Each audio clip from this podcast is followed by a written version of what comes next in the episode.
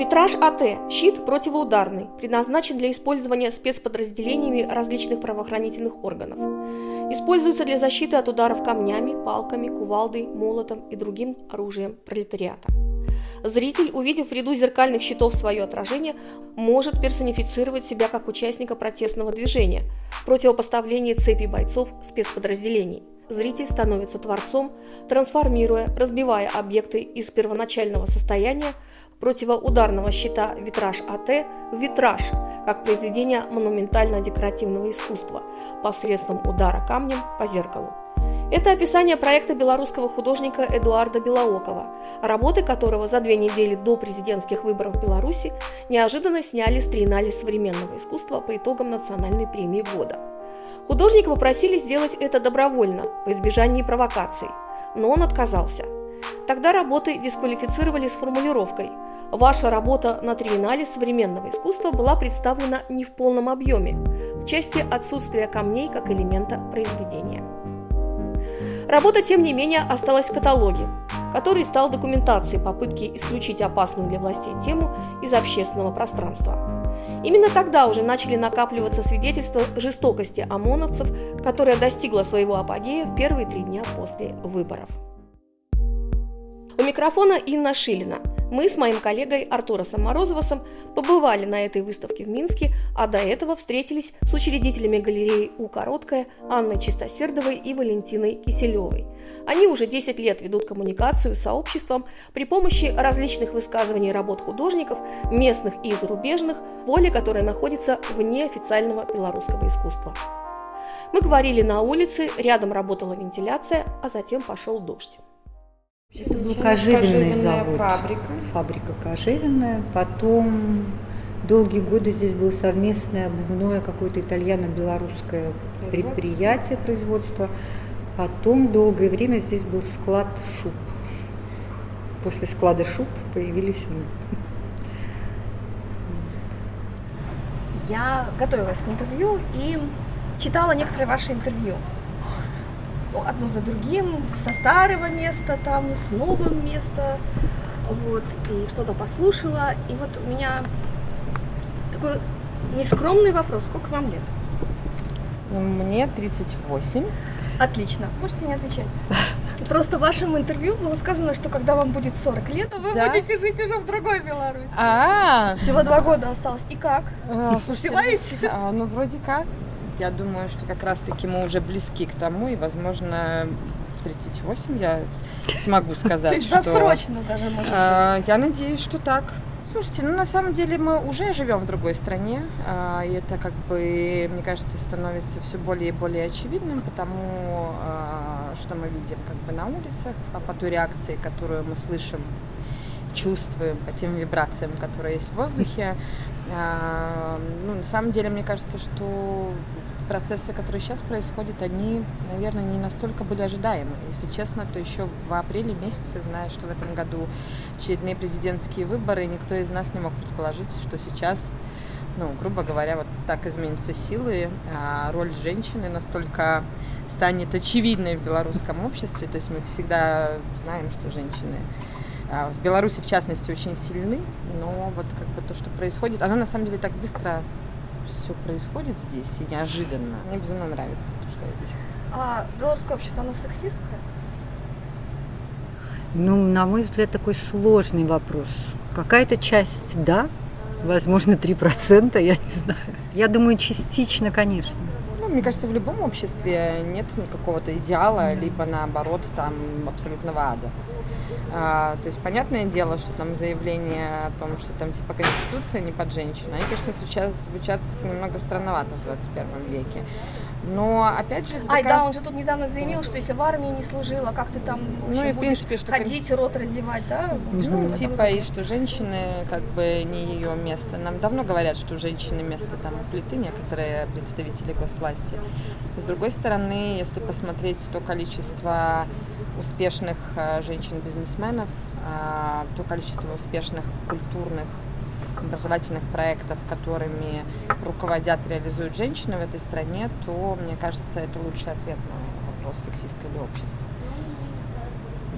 вот не знаю, мы 16 лет вместе работаем, мне кажется, что за 16 лет вот таких прямо прямых, ну, было пару раз, когда... Ну, пару раз, когда сталкиваешься с каким-то чиновничьим контекстом, наверное. Ну, либо когда там типа, ой, да что вы, девочки, отойдите, у вас же есть партнеры мальчики, пусть вот мальчики придут, мы с ними будем говорить. Но на самом деле ну, это, это такой редко, очень редкий. редкий. А вот сколько лет существует ваша галерея? Галерея «Украдка» с 2010 года. 2010 года, это уже 10 лет. Как вот эти в течение 10 лет э, менялись э, настроения художников, которых вы выставляли и которые участвовали в выставках, да, и вот как менялись эти настроения, о чем они вообще говорили? Вы имеете в виду высказывания художников да. через их работу? Да, да, да. Ну, вообще, наверное, это очень разные формы, как разные художники, и каждый художник выбирает какую-то свою тему. Хотя, наверное, можно говорить про реакцию, например, художников на какие-то определенные события, когда они объединялись, например, да, это высказывание, кстати говоря, на Арт-Вильнюсе 2011 года, когда мы получили лучший зарубежный павильон, где как раз художники, которые, с которыми галерея работала, а, условно говоря, высказались на вот эту конфликтную, страшную ситуацию 2010 года, на то, что происходило в Беларуси. Потом, наверное, такое очень мощное высказывание было, очень интересное, коллективное художников. Э, назывался этот проект у нас, когда у нас был чемпионат. Офсайт. Офсайт, да где тоже как раз художники размышляли, там разные аспекты брали. Ну, естественно, что о какой-то политической окраске, как вообще такого рода международные крупные, например, спортивные события вообще меняют ландшафт и меняют ну, какую-то ситуацию в стране. То есть можно, наверное, говорить, что белорусских художников такая история есть, наверное, или была, да, когда они собираются для какого-то высказывания или реакции на какие-то события или вещи. Вот. Ну, сложно сказать, насколько там, менялось или не менялось, потому что ну, так или иначе, определенная часть, активная часть художников э, там рефлексирует, реагирует на там, социальные какие-то вызовы, э, политические, но как бы мне до сих пор кажется, что у нас вот нет какой-то такой четко прописанной истории политического искусства в Беларуси, потому что оно все равно как-то... Ну, но оно да. все равно как-то так да, очагово ну, как... возникает. А, и понятное дело, что там меняются тенденции, меняется риторика. А... Ну, социальные высказывания, на, их как бы, тем не менее, много, много да. у белорусских художников. И, например, даже вот проект, который мы инициировали лет восемь назад, а, это проект, то есть мы столкнулись с тем, что мы очень дружны, например, с экодомом, с экологическими активистами, и вот тогда как-то нам стало очевидно и высветлилась проблема, что практически вообще художники не говорят и не рассматривают тему экологии. Интересно, вот а размышляют, например, на тему атомной это вот как раз был э, сколько лет назад? Три года назад? Четыре, наверное. 17 наверное. Когда год. у нас был пленер, и идея этого пленера была в том, что мы представляли себе, условно говоря, такое реальное мы хотели создать реально ощутимую реальность, вернее, так можно сказать, да. Работа была конкретно с АЭС, и мы представляли ее, что мы проживаем в такой стране, которая вдруг осознает, что никакой атомной энергии здесь не нужно, тем более, что никому не нужна. И, и мы делали такую выставку, где представляли ситуацию, когда государство передает художникам эту ученым, станцию, ученым, художникам, и воссоздали такую как бы несуществующую реальность о том, как используются эти помещения, где-то проходят на крышах концертные, концерт, ну, концерты под открытым небом. То есть мы совершенно преобразили, ну, таким образом шел разговор о том, да, что там понятно, что каждая такая выставка, она насыщена дискуссиями, лекциями и прочими вещами, но смысл и суть была в том, что мы условно говоря, требовали да, альтернативную реальность. И из АЭС, условно говоря, создали такой центр культуры, назывался этот проект «Островец культуры». И мы думаем о том, что в нее, может быть, уже в обозримом будущем такое может быть. Вы думаете, что если сменится власть, то ее можно будет как-то закрыть? Думаю, что если власть будет здравомыслящей, то ее необходимо закрыть. Ну, на самом деле, не открыть, вернее. Мне кажется, не только вопрос к смене власти. На самом деле главная история – это смена угла зрения людей. Потому что ну, власть – это все-таки, ну, скажем, не, не, не, не все население Республики Беларусь. Когда вот обычный человек начнет смотреть на ситуацию двух градированных башен и там пространство реактора как на центр науки и культуры, в котором проходят там какие-то глобальные концерты, выставки звезд мирового искусства. Рядом в полях открылся эко-отель. У нас были красивые брошюры по продаже был недвижимости. Прям каталог по продаже там. недвижимости в Островце а, Мы издали газету «Островецкая правда» с историями, с что Илон Маск да. приехал и встретился с председателем Островецкого там совхоза по поводу зеленой энергии. То есть на самом деле э, история со сменой власти это одна тема. На самом деле все, что как бы нами движет, мне кажется, и в наших выставочных проектах, это история смены угла зрения. Потому что на самом деле вот э, я точно не верю в решение проблем путем радикализма. Да, ну, как бы вот у нас есть история, что мы не, мы не очень верим в революцию, мы всегда верим в эволюцию. А эволюция, она появляется, когда, собственно, происходит сдвиг в мышлении. Смена сознания. Смена сознания. Поэтому для нас в первую очередь интересно а, в, там, в рамках проектов показывать, что на одну и ту же реальность можно смотреть с разных сторон. Вот вы сказали, что тема экологии, она интересна далеко не всем художникам. А удается вызвать интерес у людей к этим темам? Ой, это было, кстати, очень такой да, потому что, во-первых, знаете, как мне очень нравится, какой мы определили формат. У нас во всех этих выставках и даже в пленеры включены всегда люди, которые непосредственно, например, то есть это, говорю, такой широкий спектр, да, от э, ученых, например, до э, фермеров, и так как, например, на выставках представляются и сами работы художников, и огромный фермерский маркет в это время происходит, то нам за счет ну, разного рода концерты, либо лекции, такие очень широкого профиля, на более узких, может, специалистов, то это привлекает достаточно большое количество людей. И разные группы. Поэтому ну, вот этот формат, он такой очень симпатичный.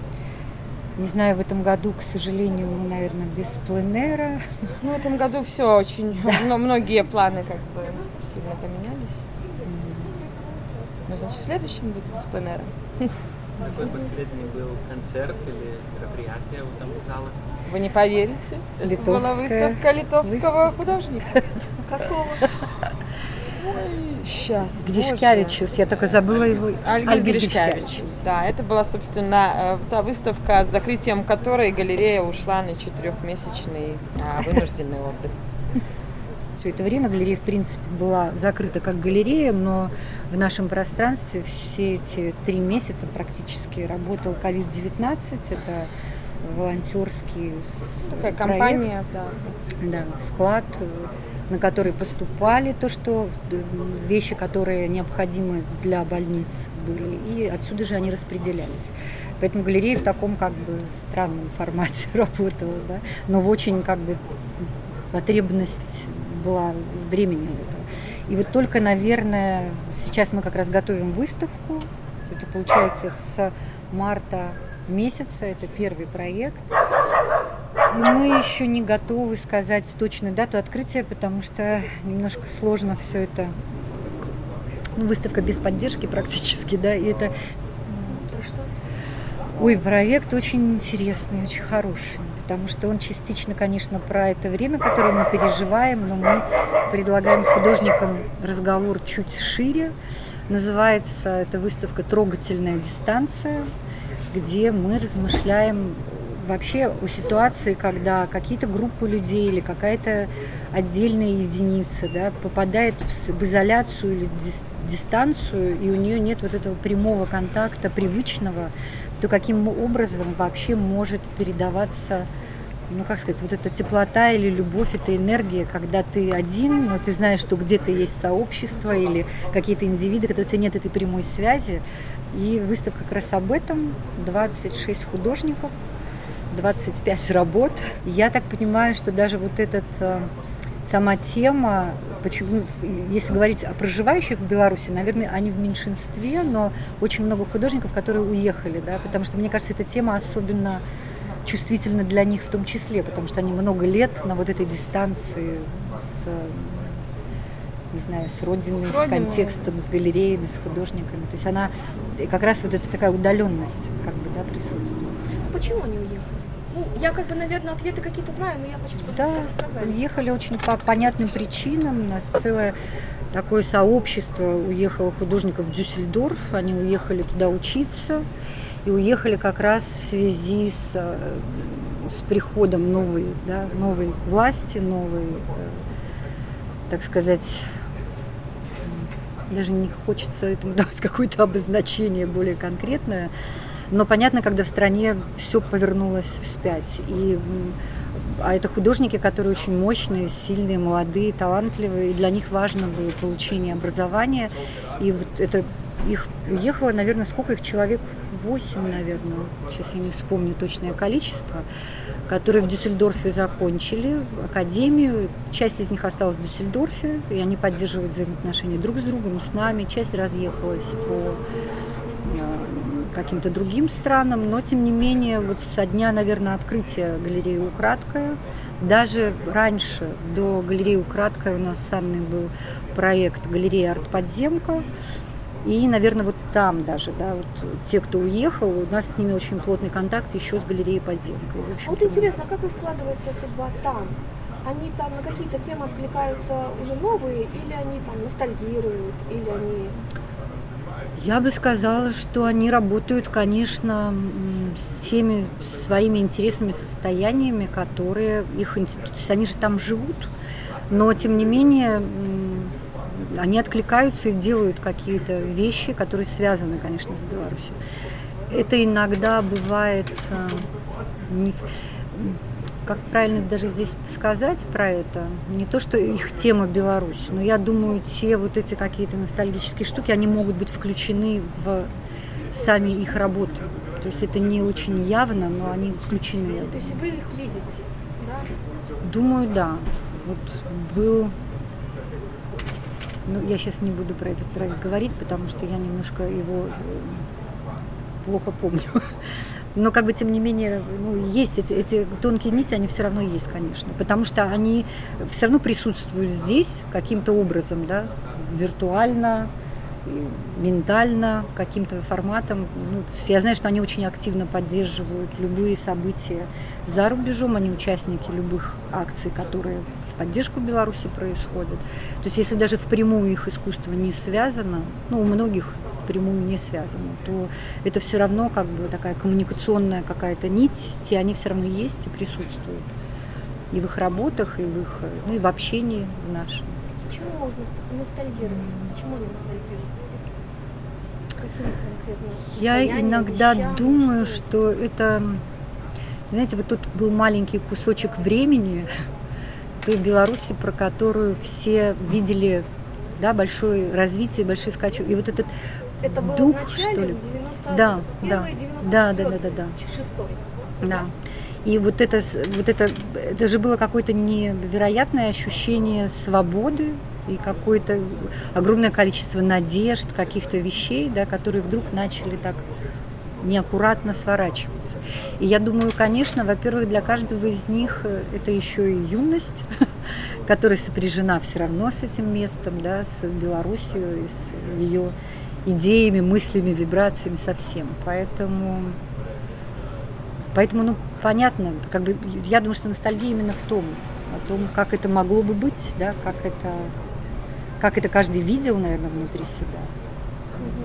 И видит и сейчас. Я думаю, что вот эта надежда, она все равно ну, присутствует, потому что это живо, ну, как сказать, вещи очень живые, которые откликаются. Вы часто работы продаете? Мы продаем их с регулярностью, предлагаем. Но Нет, продажа, вот факт продажи. Факт продажи, он до сих пор, несмотря на в общей сложности 16-летней, да, практически, да? период работы с искусством, это все равно очень хаотично. То есть иногда это бывает, ну, в месяц ну, какие-то там работы уходят, но иногда это бывает, ну, не знаю, там за месяц мы можем продать и 5, и 7 работ, да, бывает, что мы продаем одну-две работы, бывает очень разные очень разные. То есть это все равно бесконтрольно, я бы так сказала. Потому что культура приобретения работ в Беларуси все равно очень сложная. И скорее искусство любит покупать в дом, которое, ну оно, наверное, и понятно, которое понятно более и доступно для человека, да, потому что иногда сложно представить себе жизнь в квартире, например, с каким-то объектом искусства, который вот ну, для этого, не знаю, мы размышляли много про это, потому что для этого нужен определенный тип квартиры, наверное, да, определенный интерьер в этой квартире, определенное, опять же, мышление у человека. Наверное, лучшие такие варианты, когда у нас покупали люди из IT, так сказать, мира, вот у них э, это интересно, но им искусство, как сказать, современные какие-то штуки, да, которые не очень очевидно понятны. Для них они симпатичны, они их выбирают, они их покупают. И это был даже такой, такой целый репортаж тогда, да, где, а, угу. показ, где как бы работы, которые были приобретены, они потом были показаны в интерьере. Такая хорошая была история. Мы когда вынужденно, собственно, закрыли галерею, и первые две недели испытывали э, такое очень странное ощущение, потому что мы все-таки люди скорее офлайн активности, и мы всегда верим, что искусство ну, оно не работает, оно не работает э, в онлайне, оно, ну, как бы вот возникает этот трепет и вибрации, когда ты все-таки приходишь в реальный выставочный зал и смотришь. И вот когда мы вынуждены закрылись, мы очень долго прям придумывали, как же сделать так, чтобы, в общем-то, не потерять аудиторию и, ну, как бы закрылись и все, да, надо как-то было переходить в онлайн. И э, вот наш коллега Настя Гришанова придумала отличную историю, как можно, а, собственно, все время напоминать о галерее и при этом а, включать аудиторию в этот процесс. И мы придумали такой онлайн флешмоб а, в сетях Инстаграм и Фейсбук с хэштегом «У картин карантин». И, в общем-то, основная история была в том, что э, мы предлагали людям делиться фотографиями произведений искусства, которые находятся в их домашних коллекциях. И на самом деле это такая очень важная вещь для поддержки белорусских художников, когда действительно становится очевидно, что искусство востребовано, что оно вот висит в этом доме. Плюс это же всегда очень интересно попасть вот хотя бы через экран мобильного телефона в квартиру какому-нибудь, там, не знаю, известному художнику, либо бизнесмену. А, в общем-то, мы просили также ну, коротко, у кого как История. получалось написать историю, каким образом это произведение попало там, в ту или иную коллекцию, коллекционер ли этот человек, либо вот так получилось, что одна работа, но вот с ней прекрасно живется. И на самом деле очень приятно, что очень много, собственно, оно как-то волново пошло, очень много было постов. Мне в связи с этим всегда вспоминается Симон Мраз. Он директор, директор, да, австрийского, директор австрийского культурного форума. культурного форума в Москве. И у него мы дружим много лет. Он является даже нашим коллекционером. И он делает эм, почти ежегодно, наверное, на протяжении какого-то периода, делает выставки в своей собственной квартире, которую он снимает вот в этом знаменитом доме в Москве на набережной. Напротив Кремля, который... А любит он современное искусство. И это удивительно, потому что он открывает двери своей квартиры для огромного количества людей. И у нас просто была с ним как раз тоже выставка, где были представлены шесть, шесть, шесть белорусских художников. И это было очень круто, когда, опять же, когда ты видишь, как современное искусство, собственно, да, очень органично в квартирах, в интерьерах Хотя такой эксперимент для меня сложный, потому что на открытии было бесконечно много людей, а это все-таки личное пространство. Да, да часть экспозиции интересно. важно указать, что была размещена была в спальне непосредственно даже. в спальне, а это туда не было такая... входа, там была ограничительная ну, линия. То есть заглянуть можно было, это вообще настолько сакральное место, вот да. мне кажется. Прям, честно говоря, я вообще в Минске впервые, и я ничего не знаю. Ну, абсолютно. Потому что как бы а Беларусь никак не представлена у нас. И... А, а как же это вы такое говорите? Арт Вильнюс, да. Арт Вильнюс, да. Ну, это ну, очень. Да, я там бываю, я там даже участвовала, но а, я, ну вот если взять там медиа, если взять книжные магазины, если взять учебники, вообще исследования ну, какие-то. Вы сейчас будете смеяться, но даже в белорусских медиа не представлено белорусское искусство, а вы про литовские говорите. Нет, надо ну, представить. Нет, ну, Я имею в виду широкие да, медиа. Широкие. У нас как бы культура как-то вот не... Как раз таки вот то, что мы делали на протяжении 9 раз мы участвовали в Артвильнюсе. Три? Как... Три. Три приза взяли за все это время, как лучшая галерея, либо лучший художник. И мы всегда подходили э, к участию в арт-ярмарке концептуально, потому что, в общем-то, понятное дело, что ярмарка это как бы история с большего для коммерческих галерей направлена в первую очередь на продажу, мы же всегда выходили такими концептуальными ребятами. Ну, но... запрос-то сохраняется, да, насколько да, да. я знаю, у Артвильнуса они до сих пор приветствуют проекты, Проект. чтобы даже если это в продаже, но они предпочитали, это всегда было прописано, что когда ты привозишь не просто развешивая интерьерные работы, mm-hmm. а ты привозишь какой-то проект. Наверное, поэтому мы, нам так и удалось получить аж три премии. Мы всегда этому следуем. Мы всегда очень разные подходы искали. То есть вот у нас одна из экспозиций была, вот когда Игорь Савченко мы показывали, это вообще была построена да, концептуальный художник, фотограф, кстати, который достаточно неплохо известен в Литве. Он очень известен в Литве, потому что могу сказать, что это, наверное, больше всего мы Игоря работы продавали. Угу. И даже есть коллекционеры свои у нас в Литве. Потому что литовский рынок, именно Артильнюса рынок, он, конечно, скорее, опять же, коллекционеры ориентированы на, в каком-то смысле на прибалтийское искусство. И в этом смысле сложно вот приезжим этот рынок пробивать, что ли. Но, тем не менее, вот нам удалось.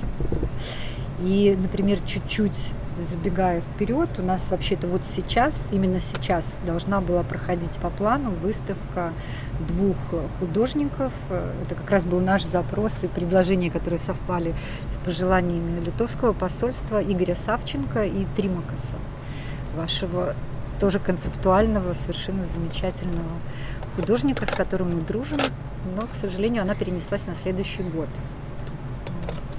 Если, например, чуть-чуть про, касаясь Артвильнюса, тех художников, которых мы привозили, это, как правило, тех художников, с которыми мы работаем, то этот список был достаточно большой, потому что это был и тот же Игорь Савченко, это был Андрей Ленкевич, фотограф белорусский очень известный, это был Сергей Кирющенко, достаточно зрелый, уже взрослый художник, но он занимается такой монументальной живописью.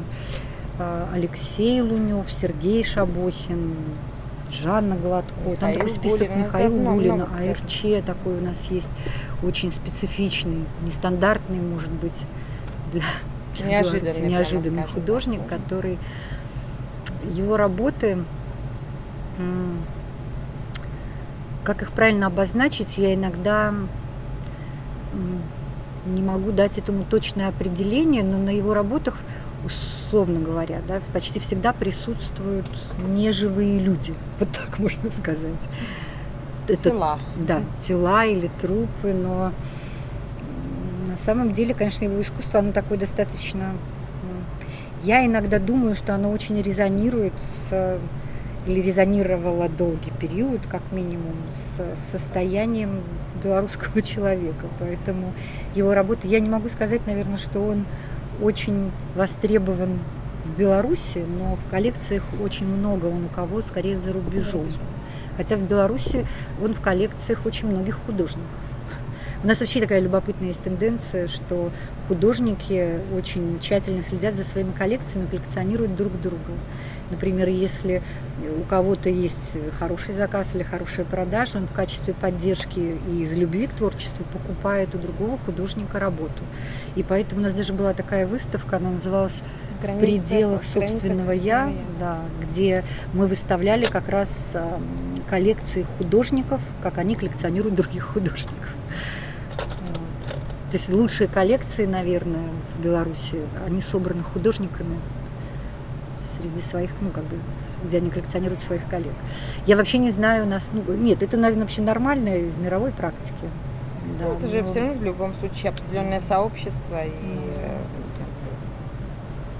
я думаю, что у любого художника дома всегда есть коллекция его коллег там работ. Это нормально, мне кажется. Вот интересно, ну вот обычно, когда узнаешь себя как-то по-новому, когда происходит какая-то встреча, да, это какое-то зеркало посмотреть, да, uh-huh. и вот что вы узнали о, там, например, русском искусстве, да, современном, встретившись там с искусством, представленным в Литве. Это не только литовское. И что вы о себе узнали, вот эта встреча, что она принесла, какие открытия? Ну, наверное, не только принесла, а, как я думаю, может, извиняюсь за такую нарванность, подтвердила, как сказать, ну, вот эту неправильное слово не уровень художников белорусских, а то, что их язык, да, и их искусство, оно очень интересно очень интересно аудитории европейской, да, то есть неправильно я говорю, не знаю, как это правильно сказать, да, что это как бы, что не работает художник белорусский, например, в отрыве от вообще окружающего мира. Да, окружающего мира. Да, да, да. И это очень интересно, потому что павильон, например, вот если про Артвильнюс говорить, наши павильоны, они всегда пользовались огромным интересом как у публики, у коллег наших, потому что всякий раз мы получали очень такие фидбэки, да, очень классные. Поэтому, наверное, вот самое такое э, ну, яркое понимание Хотя, наверное, сомнений в этом и не было, но это просто любопытно, что это очень интересно, когда ну, ты как бы едешь на ярмарку, ну, чего-то ожидаешь, реакции, еще чего-то, и когда это воспринимается очень cool, и ты понимаешь, что это... Потому что тогда, наверное, когда у нас первый раз это был выезд? 2009 год. 2009 год. Хотя любопытно, что 2009 год мы когда рассматриваем иногда фотографии всего этого периода, 2009 год, мы выглядели немножко как детская площадка. площадка, потому что это интересно то, чем, например, отличался тогда наш павильон, он был очень ярким, он был таким многокомпонентным, насыщенным и ярким, что на нашем павильоне всегда были дети. Хотя искусство там было представлено не детское, да, но это очень интересно, потому что там просто одна еще из скульптур была Жанны Грак, такой трансформер, очень крупные керамические объекты, и как бы это просто вот любопытно. И потом, например, было очень приятно слышать от всех коллег о том, как меняется и как, какие разные экспозиции.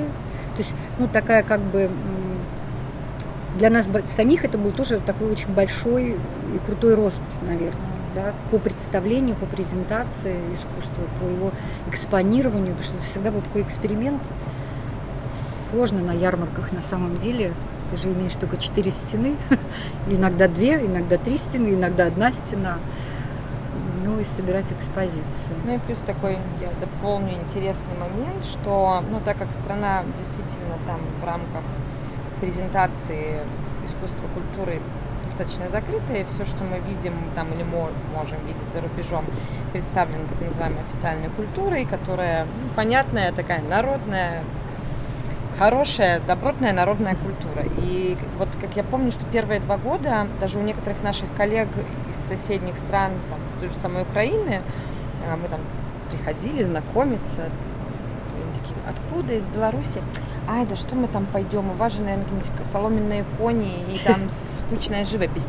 И вот интересно, когда ты понимаешь, что есть стереотипизация в отношении, как бы, не знаю, культуры и страны, типа такие э, черная или там, не знаю, какая дыра в центре Европы, где якобы ну, присутствует только официальная культура, причесанная и с хорошим таким налетом пропаганды, Э, когда люди идут, либо не идут к нам, ожидая, что, наверное, вот этот трешак увидят, и потом ты видишь эти удивленные, пылающие глаза, и говоришь, боже, да у вас оказывается такое, вот такое. А, и с одной стороны, конечно, Иногда это очень больно слышать, потому что, понятное дело, это в том числе и недоработка всего нашего сообщества, что искусство до сих пор э, ну, недостаточно видимо на международной арене. Вот вы приехали, там 170 километров, да, казалось бы, вы не знаете ничего, да. А я, допустим, сидя здесь, очень хорошо знаю все, что происходит в украинском искусстве, потому что есть медиа, есть присутствие практически в любой галерее или музее европейском, так или иначе в проектах вы увидите имена там, польских, украинских, литовских художников. А, мы, я думаю, что эта ситуация тоже будет меняться рано но или она поздно. Меняется она меняется уже. Но вот как бы для нас очень важно в том числе такие стереотипы ломать, чтобы ну, прекращали думать о том, что вот, вот тебе соломенная лошадка, там, не знаю, вышитый рушник, и что там у нас еще может быть, и э, красивая реалистичная живопись с снопами, либо там лошадьми на водопое. Ну, блин, мы тоже живем в 21 Я веке. Я хорошо понимаю, потому что, знаете, а, вот Артура с, с другой коллегой нашей а, ездили я забыла как это, в Приднестровье, Приднестровье, да, и, ну, казалось бы, такое застывшее, застывшее какое-то место, где-то там оставшееся, да, на переломе 90-х годов. И казалось бы, что если они так вот внешне застыли, да, то значит они у них все как бы застыло. А потом вот Торрес привозит интервью, я его слушаю и понимаю, что, собственно говоря, там было интервью с двумя художниками, mm-hmm. И, и я понимаю, что они говорят, в принципе, о том, о чем вот мы тут тоже сами говорим. Ну, у них там, может, антураж другой, но говорят. Очень много, конечно, было о идентичности. Угу. Очень много об идентичности. Да, и перед этим я еще просто сделала очень такой довольно большой проект «Идентичность», а, с, русскоязычной, с русскоязычной молодежью, которые выросли вместе с независимостью. Mm-hmm. И, и у всех буквально там, там были художники, политики, там, в общем, много кто абсолютно. И у всех вот этот вот проходило вот этот вопрос идентичности, да, и я включаю это интервью, его и, и тоже понимаю, что они говорят то же самое, абсолютно, что и даже uh-huh. угол зрения тот uh-huh. же самый, все то же самое. И тогда я, когда уже ехала сюда, в Белоруссию, я уже ожидала, что будет примерно то же самое. Что да, я приехала, когда мы первый раз зашли вот в эту квартиру, я вспомнила, как я в 90-х годах была в Москве, и я смотрю, как будто вернулась в машина времени такая, что я вернулась как будто в детство. Такой парк, как тогда был, у нас он это самое, там, такая детская площадка, такие улицы. Казалось бы, все как было в 90-е годы, но начинка-то совсем другая. Причем она уже пространство такое, такое ощущение, что оно-то общее. Вот это вот другое пространство, там, я даже не знаю какое, но оно, друг, оно общее, оно не разделенное вот этими границами. И даже независимо от того, что человек или очень изолированно живет и никуда не ездит, uh-huh. или, например, или много путешествует, но вопросы решаются почему-то те же самые. Мне кажется, что вопросы сейчас в принципе везде одни те же. Даже не будем говорить там про европейский континент. Давайте там за, за океаном посмотрим, что происходит. И в том числе как бы вопросы идентичности, они никогда ни у кого никуда не уходили. Мне кажется, что это не только там, не знаю, наследие а, там постсоветского или посткоммунистического блока. Последние несколько лет то, что происходит с идентичностью, извините, в Венгрии или в Австрии, или то, что сейчас происходит в Соединенных Штатах Америки, мне кажется, что ну, мы же живем в одном мире, и как бы проблемы и вибрации у нас и у всех этот мир наш. Они так или иначе как бы схожи. Поэтому мне, конечно, вот обидно, что мне кажется, что вот э, с кем бы вот мы сейчас, вы сейчас не сидели бы за столом, вопросы идентичности так или иначе у всех будут как бы возникать. Вот очень хороший проект делал как раз про работу со стереотипами и идентичностью, уже упоминавшийся нами художник Миша Гулин. Это был 2007, наверное, Это был седьмой год, потому что это еще подземка была. А, он делал ряд таких публичных перформансов, хэппинингов, когда он, а, грубо говоря, очень гиперутрированно являл из себя того или иного, ну, назовем это персонажа, то есть это там типа американец, партизан, гей, э, кто террорист. Был, э, э, да, террорист. И еврей. Вот, еврей и кто-то да. еще. И он выходил как бы в общество, на улице города, на рынок, на проспект. Ну, он одевался типично, типично, для, как типичное большинство может представить себе, как выглядит американец или партизан. И плюс ко всему он дополнял Шел табличкой, табличкой, обозначая, что я не гей, я не еврей, я не партизан, ну, как раз это вот работа ну, и декларировано. Снималось это все на видео, как бы как реакция вообще общества на это. И как? Очень по-разному, но это по интересно было наблюдать. Вообще, так как это был 2007, 7 наверное, да. или 6 даже год. В 2004 открылось подземье. Может, шестой. Может, шестой или пятый год. И это интересно, потому что на каких-то персонажей вообще люди не реагировали. Вот он зашел, например, я не партизан у него, да, это было, в, где он ехал в транспорте. Угу. Люди делали вид, что ничего не происходит но очень бурная, ну, я террорист, никто не замечал. Он клеил себе такую бороду, он как бы выглядит, если убрать эту надпись, то, наверное, любой человек скажет, о, о. это террорист, например, да, он как раз этой надписью обозначал обратное. И и самая, наверное, реакция очень ощутимая среди да. всех была на акции «Я не гей», когда он в красивом розовом платье разгуливал по городу, накрашенный, с мейкапом, да, да. с мейкапом, с таким, с этой табличкой. Вот здесь как бы было очень много смеха, улыбок, коммуникации. Хуже, чем террорист. А, ну, да, но агрессии не было. Агрессии не было. Да.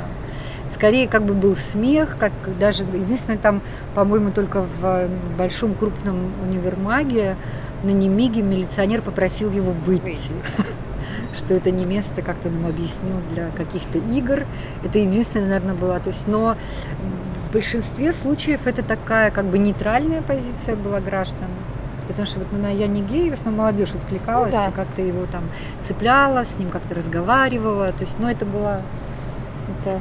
Ну, вообще, конечно, интересно, вот, вот эту историю прошло 13 лет, да? А, вот, грубо говоря, повторить, чтобы посмотреть, насколько там толерантнее или нет стало общество, понятно, что сейчас вообще все взрывные немного. Вот если он оденется с этикеткой «Я не ОМОН», вот это интересно проверить.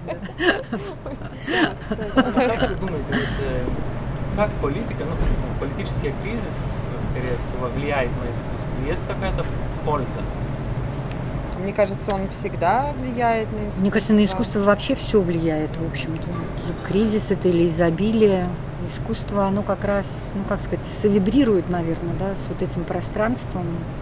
Хотя вот, например, не знаю, сейчас э, понятно, что вот эта выставка уже запланирована, и мы надеемся, она пройдет. И какие, например, будут предложения или запросы от художников, например, да, о чем они хотели бы сейчас сказать.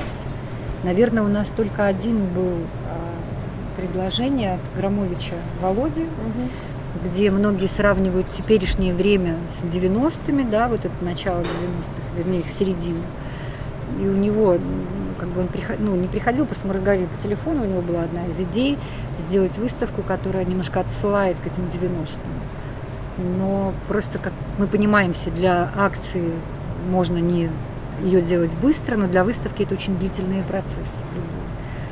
Поэтому ну, как вот, например, такой живой пример, это Тоня Слободчикова, да, вот эти три штаба, которые объединились э, в один штаб, э, которые представляют три политические кандидатуры. И там же наши три дамы, которые вышли с тремя с разными, с визуальными. И Тоня Слободчикова, это белорусская художница, она тут же, условно говоря, сделала вот этот... Идентику. Да, и уже, наверное, вчера да? очень много людей были с плакатами, на которых изображены вот эти три символа. Вчера, да. собственно, на сцене за Сердце дамами был это плакат, прямо уже да. плакат. Ну, это вот да. такая непосредственная, конечно, реакция, когда художник сразу работает с тем, что он видит. Ну, искусство, оно так, наверное... Искусство должно работать по-разному. Искусство, наверное, разные языки, разные вещи, но в том числе и такие реакции очень живые. Я думаю, что этот плакат сейчас очень, да и, наверное, на длительное время он останется символом, как минимум, этого времени. Какие-то знаки актуальности, например, стрит, стрит-арт, да? Ну, мы видим, там, 3% там, уходили или что-то, но еще, может быть, есть какие-то э, интересные работы, такие более что можно могли бы увидеть. Именно про контекст этого времени сейчас? Ну, наверное, кроме вот трех процентов и каких-то все, что вокруг с этим, наверное, нет. А если вообще говорить, ну, мы сейчас, наверное, промокнем. Пойдем, нет? может, внутрь? Может, нам вовнутрь или мы переждем, что вы думаете? Я вот пока не вспомню. Как бы. Вот у нас была отличная история со стеной Щеткин. Помнишь, это в городе Минске, практически в центре города такая получилась, как это сказать, стена коммуникации. Это, по-моему, с тунеядцев все началось. И там кто-то вывесил сначала одну стрит-арт-работу, ее закрасили, и в течение недели каждый день возникал такой диалог э, между, там, не знаю, гражданами, художниками, активистами, как угодно мы можем назвать этих людей, и там жестами, которые каждый день закрашивали, а эта стена так мироточие рожала какое-то новое э, там послание, визуальное, либо текстовое. Но это было года два, наверное, назад. С последнего мне кажется, что до сих пор жив вот эта история, вот эта постоянная коммуникация стрит художников, да, стрит-артистов с работниками ЖЭСов, угу. потому что ЖЭС это, а, ЖЭС это жилищная эксплуатационная служба. служба. Когда художники наносят какое-то изображение, то оно тут же закрашивается такими странными квадратами очень разных цветов. Серый, белый, розовый. И вот одна из искусствоведов, культурологов вернее, да, э, Архипова Ольга, она прямо из этого вывела целый, целое направление, которое назвала фуприматизм фундаментальный супрематизм, где она как раз говорила, огромная статья была ею написана, говорила о том, что Малевич мог бы только мечтать, когда обыкновенные сотрудники ЖЭСа так включаются в процессы, и каждый день мы видим квадрат. невероятные, как бы, и это, как ни странно, актуально до сих пор. Да. Иногда их заклеивают, например, в каких-то местах э, таким странным как это материал называется? Под мрамор.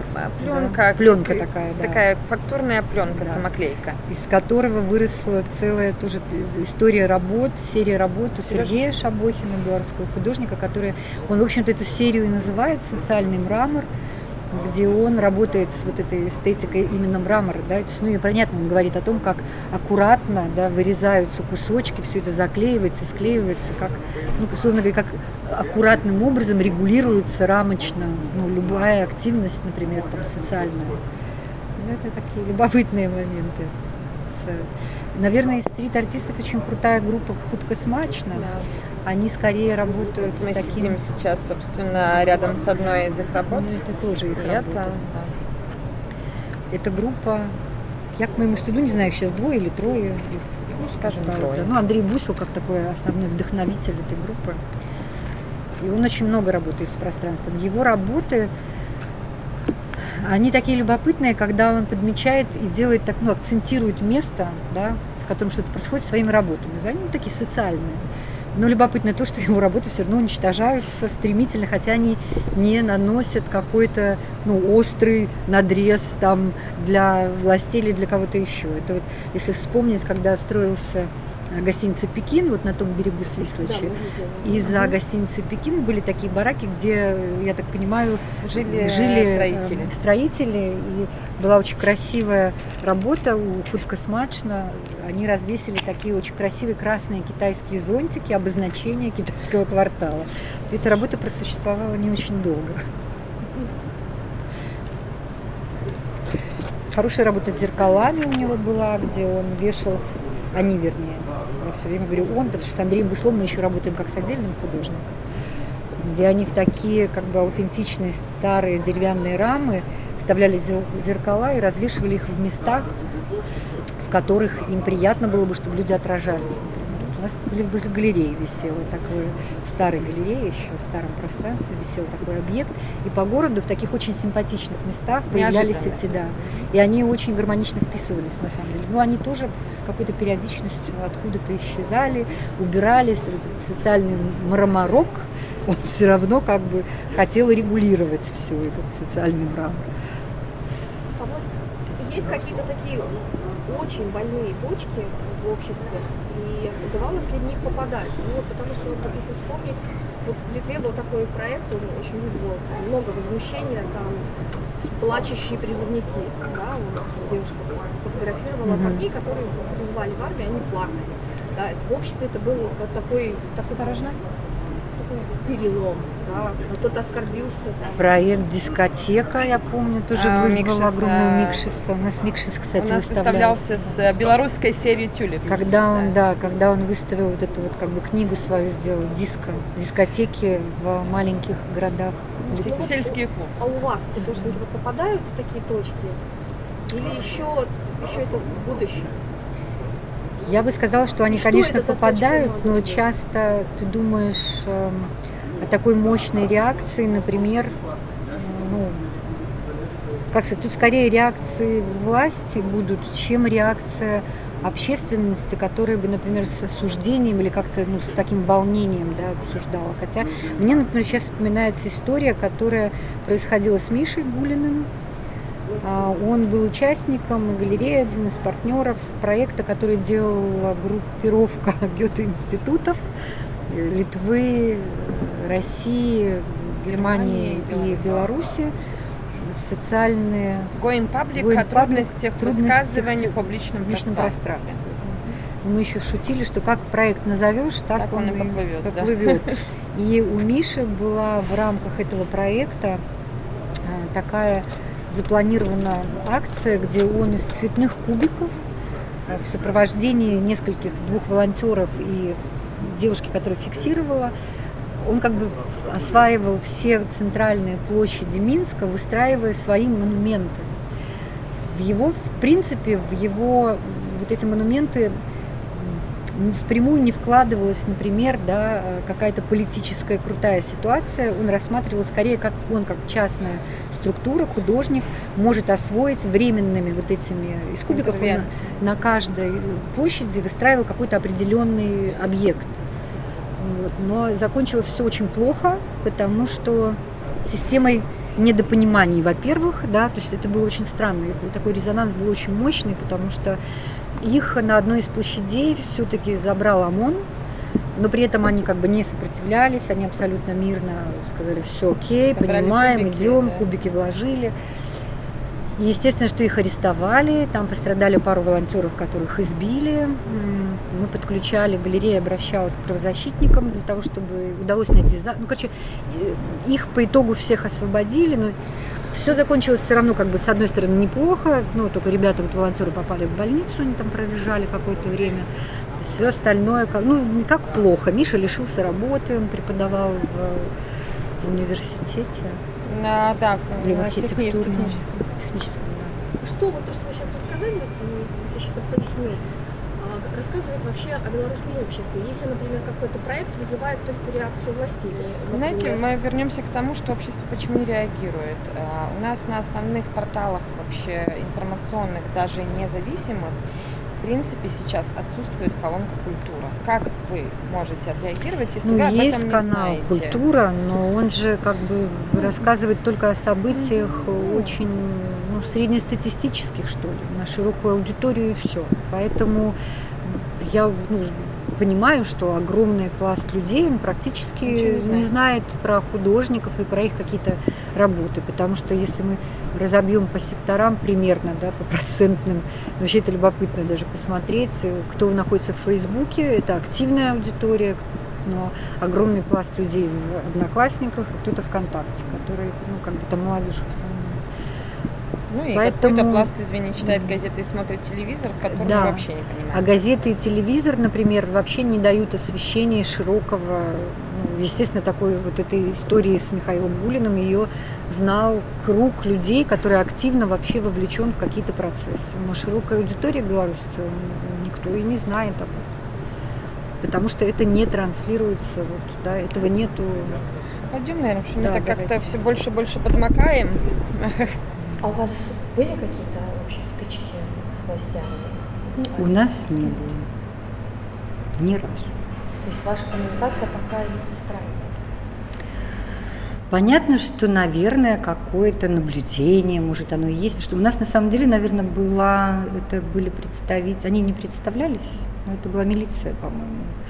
Когда была выставка, я опять забыла ее название, офсайт, угу. да когда у нас там произошла такая история с одной из работ, которую ночью, пока галерея, она уличная была работа, ее там разрисовали и такой придали ей совершенно другой окраску. окраску. И мы в течение дня размышляли, что с этим делать, потому что понятно, что искусство, которое выставляется на улице, оно предполагает это взаимодействие с, э, так сказать, с уличным зрителем. Вот. Но и тогда вот пришли представить, ну это, по-моему, была милиция, они сказали, что мы вынуждены будем работу снять эту, все остальное может оставаться. Но, но как бы это такие вот какие-то мелкие вещи, например, ну, взаимодействие. ОМОН на нас вызывали пару раз соседи, потому что где-то был шум или что-то еще, но как бы такого вот характера. То Более... есть такого постоянного, систематичного? Нет. Так дело в том, что мы, собственно, вернемся к тому, чем мы занимаемся. Мы занимаемся культурой.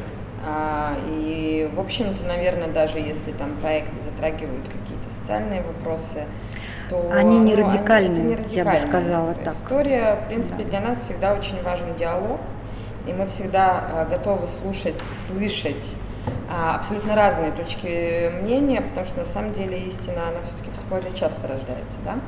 И это не значит, диалоги, что может. ну, там диалоги, да. Это же не значит, что как бы вот здесь есть там черный мир, где-то там есть белый мир, и между ними очень жесткая берлинская, там, скажем, стена стоит. Нет. И, в общем-то, и гости, посетители выставочных проектов это абсолютно разные люди. Да. То есть это и, и реакции разные, разные там, бывают. по возрасту, и реакции пор, разные. То есть бывает, бывает ругаются такая, прям. Да, там с Андреем Ленкевичем, помню, была история, когда там дама кричала, что пойдет в суд. Mm-hmm. Это работа из его выставки Goodbye Motherland. Э, это большой исследовательский проект, связанный с, э, э, с Второй мировой войной. Ну и в целом, как бы, каким образом а, до сих пор определенные вещи, не знаю, воспринимаются либо используются в, определенных, там, не знаю, контекстах, и как вообще до сих пор история с войной транслируется. у нас до сих пор там есть часто вот это, да. типа, меня все устраивает, лишь бы не было войны. Когда да. начинаешь спрашивать, а с кем воевать собрались, ответа тоже нет. Но до сих пор, вот уже 75 лет, определенная такая поддерживается в обществе идея о том, что всегда какой-то якобы вот возможен враг. Кто этот враг, ни у кого нет ответа, но ну, все же. И одна из очень сильных работ, таких, мне кажется, икон этого проекта является а, двойной портрет человека в форме эсэсовца и в форме а, советского, советского солдата. солдата. Это один, один и тот же человек, человек, снятый просто ну, вот как, как, как будто они вдвоем угу. сидят. И вот как раз на открытии это был проект э, э, про Европу в шести главах, где рассматривалась различная история общества, это там экономика, угу. история, язык, идентичность. И вот как раз Андрея работа была представлена, и на открытии к нам пришла женщина, ну, такого уже глубокого пенсионного возраста, и прям начала очень громко там кричать, что подайте мне здесь э, слово куратора, не знаю, главного, главного буду ругаться. Как вы можете себе позволить в Беларуси, а, вот где каждый четвертый, и вот этот mm-hmm. ужас, а вы что считаете, что типа наши солдаты и те солдаты это одно, ну вот как бы вот эта вся история. Потом я помню, что она в конце прямо так смотрела на меня, смотрела, а потом говорит, вообще что вот у вас э, на войне никто не погиб? Я говорю, ну знаете, у меня, собственно, до войны э, двое дедушек из э, российской линии репрессированы были, расстреляны. Почему мы об этом как бы не говорим? А второй мой дедушка, окей, дошел до Берлина и, собственно, всю свою жизнь, приписав себе пару лет, провел на фронте. Начиная с Украины, дошел до Германии. Я говорю, вот в моем контексте вот две истории, да. И эта работа, она не о том, что черное и белое, выигравшие и враги там, и не знаю. Ну, там, там, насколько я помню, была еще история семьи, в том числе Андрея Ленкевича, когда имею... часть, ну да, про то, что когда часть, и такие истории есть у многих белорусов, когда часть семьи была в полицаях, часть семьи в Красной армии, потому что в реальности это действительно поставить меня в тот период, я не знаю, на чьей стороне я бы да, воевала, потому что и то, и то выглядело как зло. Вот, и у нас каждый день, прямо вот эта выставка, я ее всегда буду помнить, потому что каждое утро, открывая галерею, у нас начиналось с прихода одного из ветеранов. То есть, видимо, как-то этот кейс был обсужден на какой-то там, не знаю, встрече ветеранов, там, не знаю, центрального или района, либо какого еще. Каждое утро приходил там не дедушка, а бабушка. Конечно, мне было интересно вообще, что выставка, о чем, кто это, что это. Они всегда вот ровно открывалась дверь, они знали точно, в каком углу находится там работа, где она экспонируется. Ровненько вообще шли к ней, и начинался диалог о том, что как же вы можете. Mm-hmm. Ну, это, ну, это нельзя делать. И вы там молодые, наглые, нарванные, ну, там, ну, тоже был интересный момент, потому что, опять же, э, с каждым из этих гостей всегда говорили, там, предложив кофе, либо там... Это были Найла Ру и я его ведущая Инна Жилина. До следующих встреч!